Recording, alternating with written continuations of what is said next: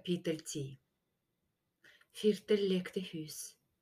Det innerste lille rommet var spisekammeret hennes.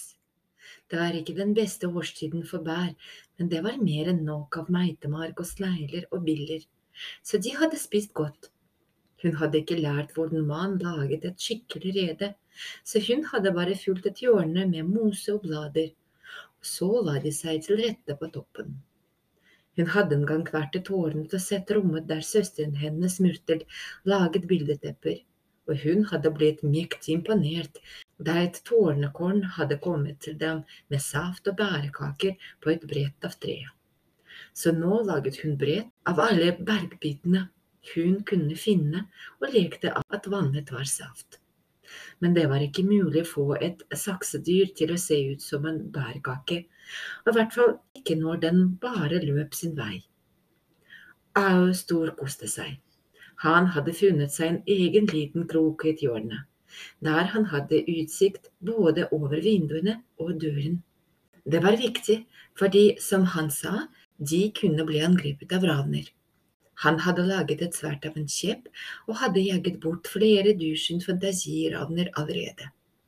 De hadde samlet seg utenfor vinduene, men han hadde sendt dem på dør og reddet søsteren sin fra to eller tre som kom flyvende opp trappen. Dessverre hadde sverdet hans brykket til kampens hete da han svingte det etter en ravn og traff veggen i stedet. Det hadde vært et godt sverd, altså. Han holdt nå på å lage et enda bedre et, med et skikkelig kjefte, akkurat som kongen hadde. Han kunne lage seg et svært belte også, om han bare kunne finne noe å knyte rundt livet. Rundt vinduene vokste det klatre og krypeplanter, og noen av dem var så gamle at de hadde funnet veien inn sprekker i veggene og vokste gjennom dem. Det var en slyngplante der som så ganske sterk ut, den ville bli et godt sverdbelte. Au fant en passende grein og trakk den til den løsnet og dro med seg en skur av sand og støv.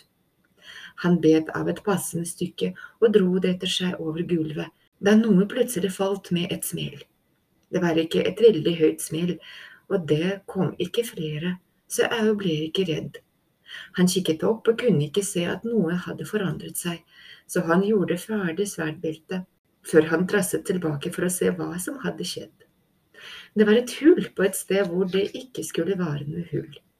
Det så ut som en stein hadde falt ut fra et av vinduene, men det måtte havnet i sjøen, for det var ikke noe sted å kunne se inne i rommet. Au lente seg frem for å se bedre. Plutselig var det ingenting under potene hans. Steinen som hadde løsnet, hadde truffet vinduskarmen og revet med seg flere steiner på vei ned. Au falt, så skrekkslagen at han ikke fikk frem en bryt. Han slo ut med potene og fikk tak i slumplanten, og piggene hans holdt ham på plass. Nedenfor ventet havet. Selv om han knapt turte røre seg, løftet han hodet akkurat nok til å se opp. Han ble forskrekket over hvor høyt oppe vinduet var. Han prøvde å klatre, fast bestemt på ikke å se ned, men oppdaget at han var så stiv av skrekk at han ikke klarte å røre seg. Alt han kunne gjøre etter hvert som han fikk stemmen tilbake, var å rope på Firtel. Firtel kom trippende ut fra spiskammeret sitt med et brett i potene det hun plutselig hørte ropet om hjelp. Hun slapp brettet og løp inn i det andre rommet. Hun lette overalt etter Au. Så hørte hun ropet igjen. Er du ute? ropte hun og løp bort til vinduet. Hun klarte akkurat å stanse i tide. Et øyeblikk sto hun og sveiet på kanten av den ødelagte vinduskarmen mens potene hennes sitret av frykt. Så gjenvant hun balansen, tok et skritt tilbake, la seg ned og strakte de skjelvende potene over kanten. Au! ropte hun. Jeg er her! Ta potene mine! Hun kikket ned. Sjøen slo opp mot hendene, og hun måtte snu seg vekk. Akkurat utenfor rekkevidde, ute av stand til å bevege seg, hang Au og klynget seg til slyngplanten. Ta poten min, sa hun igjen, men Au klamret seg bare enda hardere fast. Jeg kan ikke komme ut og hente deg, du må komme opp til meg. Under seg kjente hun at steinen begynte å gi etter. Hvis hun klemte hardt rundt slyngplanten med den ene poten og strakte ut den andre, klarte hun å la være å skjelve. En pot av gangen, au.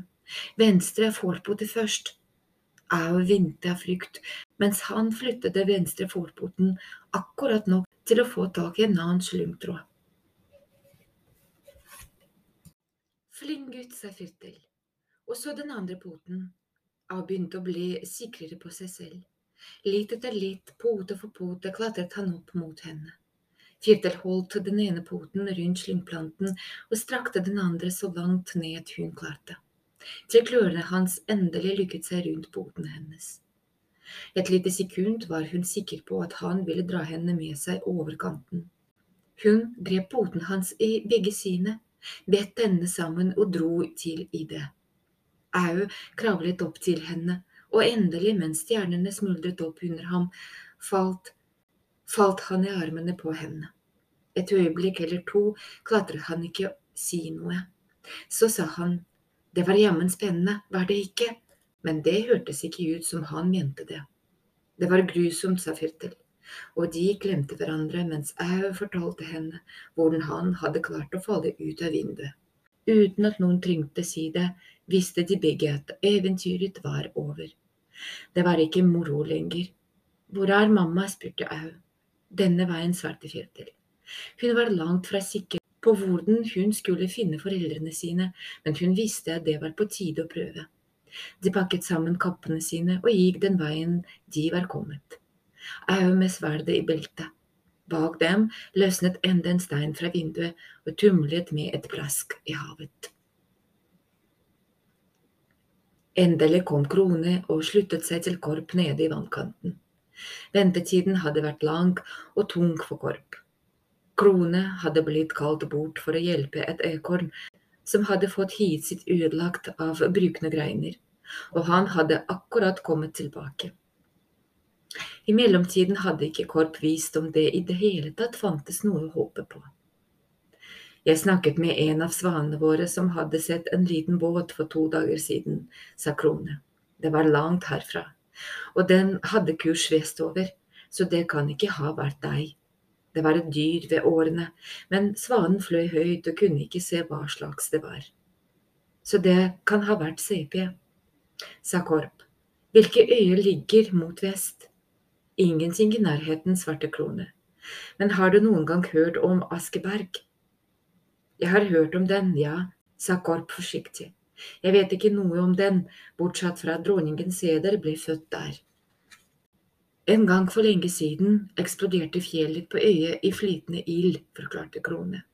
Dronning Seders familie flyktet til Hviting, og noen av våre ekorn nedstammer fra Askebergkorn. Det hender at svanene flyr over den, så de vet hvor den er, utbrøt Korp. Ja, men ingen går i land der nede, svarte Klone.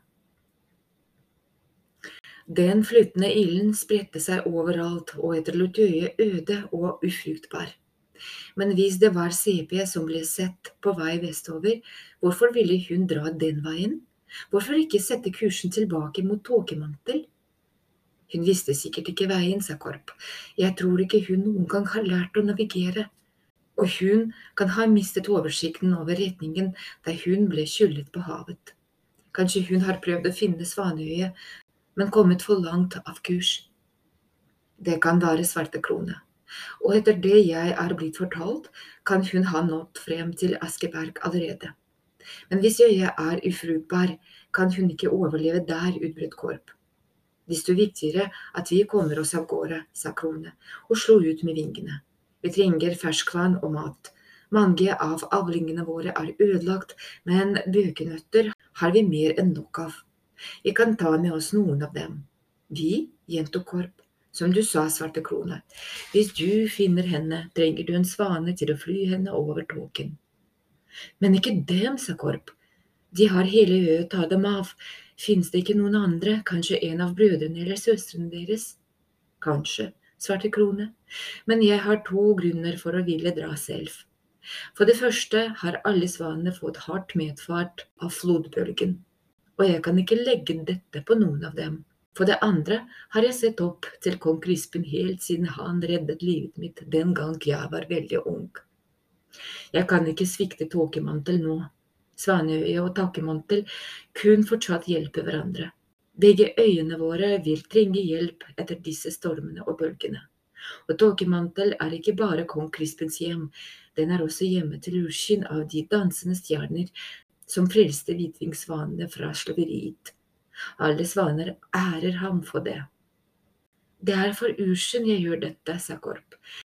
Det var det beste Krone kunne hørt fra ham, men han sa det som om han tenkte høyt eller bare snakket med seg selv. Jeg mener jeg gjør det for CP, vi har alle svært glade i henne, alle på øya. Man kan ikke la være å være glad i CP. Men jeg har tjent uskyld siden jeg først kom til hoffet, og for hans skyld må jeg bringe henne hjem. La meg snakke med familien min, sa lord Krone. Moren min vil regjere i mitt sted mens jeg er borte. For Uskin, for CP, for Crispin og for Tåkemantel vil jeg følge med deg. Har du hørt om blodmose? Kan du plukke litt for oss? Jeg tror ikke jeg ville klare å kjenne den igjen, herre, medgav Korp. Lord Krone så seg omkring, fikk øye på et øyekorn i et tre og ropte til henne. Kronhale, sa han, gå til prinsesses grav, hent blodmose til meg, så mye du kan bære. Av sted med deg nå, tusen takk. Så fløy han av sted for å finne familien sin. Før Korp hadde rykket å fylle vannflaskene i kilden, kom ekornet tilbake med favnen full av blodmose.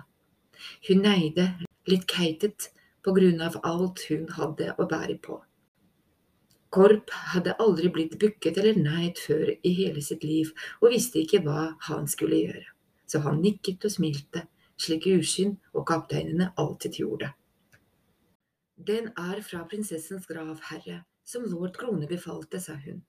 Alt jeg kunne bære, den samme som vi brukte i ravnekrigen, og som reddet livet til kongen av tåkemantel. Det gjorde den svarte korp, og vi trenger den til å redde et annet liv nå, om vi kan finne henne i tide. Han snuste ut i luften og ble forskrekket over å kjenne en ny, kraftfull strømning i vinden. Vi må skynde oss, sa han. Har du noen gang, begynte ekornet sjenert, har du noen gang møtt urskyen av de dansende stjerner? Korp smilte. Jeg kjenner ham godt, svarte han. Ekornet gjorde store øyne. Hvordan er han? spurte hun. Han er helten min, sa Korp idet Krone landet ved siden av dem. Jeg pleier å pusse sverdet hans og re opp sengen hans og minne ham om å børste haletoppen, men han er likevel helten min. Vi må dra snart, lord Krone. Den andre bølgen er på vei. Krone løftet hodet. Ja, svarte han. Det ligger i luften, og vi vil få en storm før flodbølgen er over.